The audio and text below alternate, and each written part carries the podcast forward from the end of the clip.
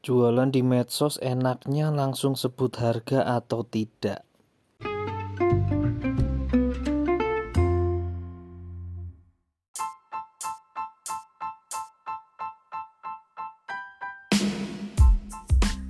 Oke, saya jawab. Sebenarnya tergantung kebutuhannya dan tergantung produknya juga. Kalau ternyata produknya adalah produk yang pasaran, sehingga sebenarnya harganya udah semua orang tahu standarnya gimana. Dan ternyata kita jual dengan harga yang lebih murah. Silahkan sebut harganya. Maka itu akan menjadi penarik perhatian. Tetapi kalau harga kita adalah harga yang premium jangan sebut harga. Kenapa? Karena kebutuhan kita adalah mendapatkan leads atau prospek atau calon pembeli. Kalau kita sudah sebut harga, sedangkan harga kita mahal, maka mereka akan hanya melihat postingan kita lalu berlalu pergi. Tanpa pernah menanyakan kepada kita berapa harganya eh atau ber, atau bagaimana caranya membeli. Karena dia sudah merasa waduh harganya kemahalan. Nah, kalau ternyata harganya mahal atau premium nggak nggak bisa dibilang mahal ya harganya premium sembunyikan sembunyikan dulu saja harganya. Kenapa? Karena ada satu prinsip di mana sebenarnya tidak ada barang yang mahal.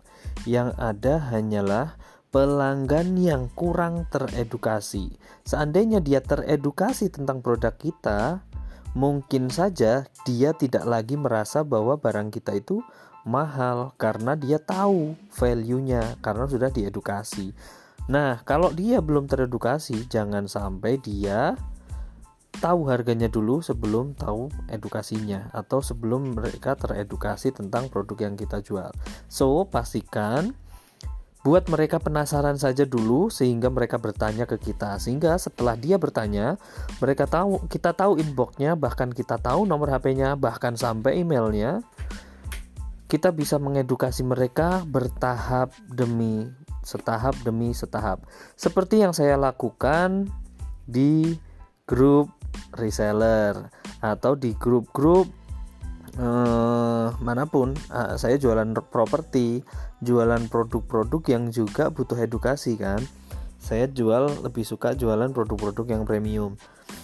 Kecuali saya jualan barang-barang komoditi seperti yang saya pernah bilang saya jualan plastik kemasan ya. Saya jualan ke korporasi kekuatan utamanya ada di harga sama jaminan mutu udah selesai nggak usah ngomong nggak usah nyembunyiin harga malah kelamaan dia nyari yang lain nantinya tetapi kalau saya misal jadi reseller kurma teman-teman harus tahu dulu kan saya mewajibkan teman-teman harus ngikutin materi kan biar teman-teman tahu betapa kurma saya ini bukan kurma biasa. Saya pakai jaminan saya saya pakai garansi saya pakai Bepom saya pakai saya importer langsung sehingga eh, produk kami fresh belum eh, berpindah dari tangan ke tangan nah sehingga produknya belum lama di perjalanan atau lama di pindah-pindah orang gitu tetapi langsung dari importir langsung kita kemas untuk langsung dijual ke end user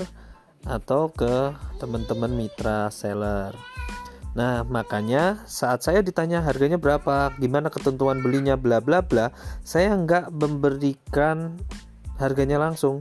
Mungkin ada yang jengkel, saya mohon maaf. Saya langsung nanti saya jelaskan di grup, nanti saya jelaskan di grup, nanti saya jelaskan di materi terakhir, bla bla bla. Gitu terus karena saya alasan kan. Mungkin ada yang pernah japri saya duluan, pengen langsung kejar. Mohon maaf kalau saya me menghambat untuk langsung tahu harga. Kenapa? Karena kalau saya sebut harganya, saya nggak tahu seberapa teredukasi-kah Anda tentang produk saya. Sehingga kalau saya sebut harga, ternyata Anda belum teredukasi, Anda akan serta-merta bilang mahal. Karena sebelum pelanggan teredukasi, berapapun harga yang kita sebut, pembandingnya hanyalah dompetnya saja. Sehingga berapapun yang kita sebutkan, dia akan bilang mahal.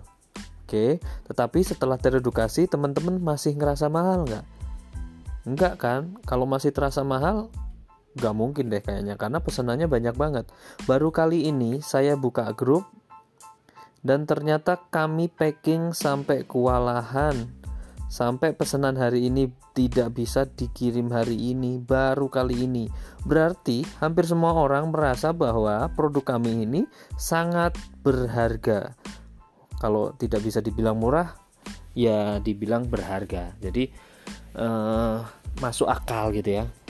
Pantas atau layak dihargai segitu nah terkait teknis ngiklan di Facebook ya nggak ada masalah. Eh apa ya? Di Facebook itu kadang kan kalau kita sebut harga ada kata RP ada kata jual itu jadinya postingan iklan. Akhirnya bentuknya bukan status gitu jadi saya kadang menyembunyikan harganya.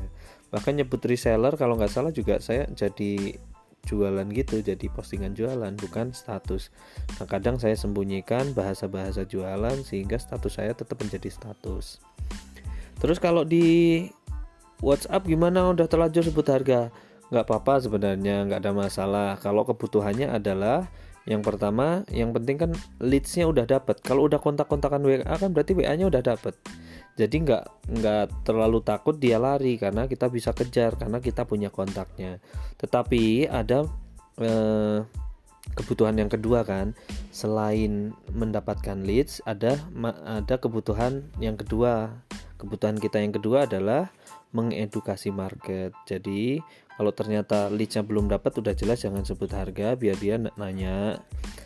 Setelah dia nanya akan kita dapat leadsnya. Tapi kalau ternyata produknya berharga atau cukup premium jadi pastikan pelanggan kita mengerti tentang produk kita dulu baru tahu harganya sehingga harga yang kita sebutkan akan terasa murah karena dia tahu barang yang bakal dia dapatkan itu seperti apa Gitu aja ya, semoga bisa memberikan pencerahan buat teman-teman semua. Terima kasih.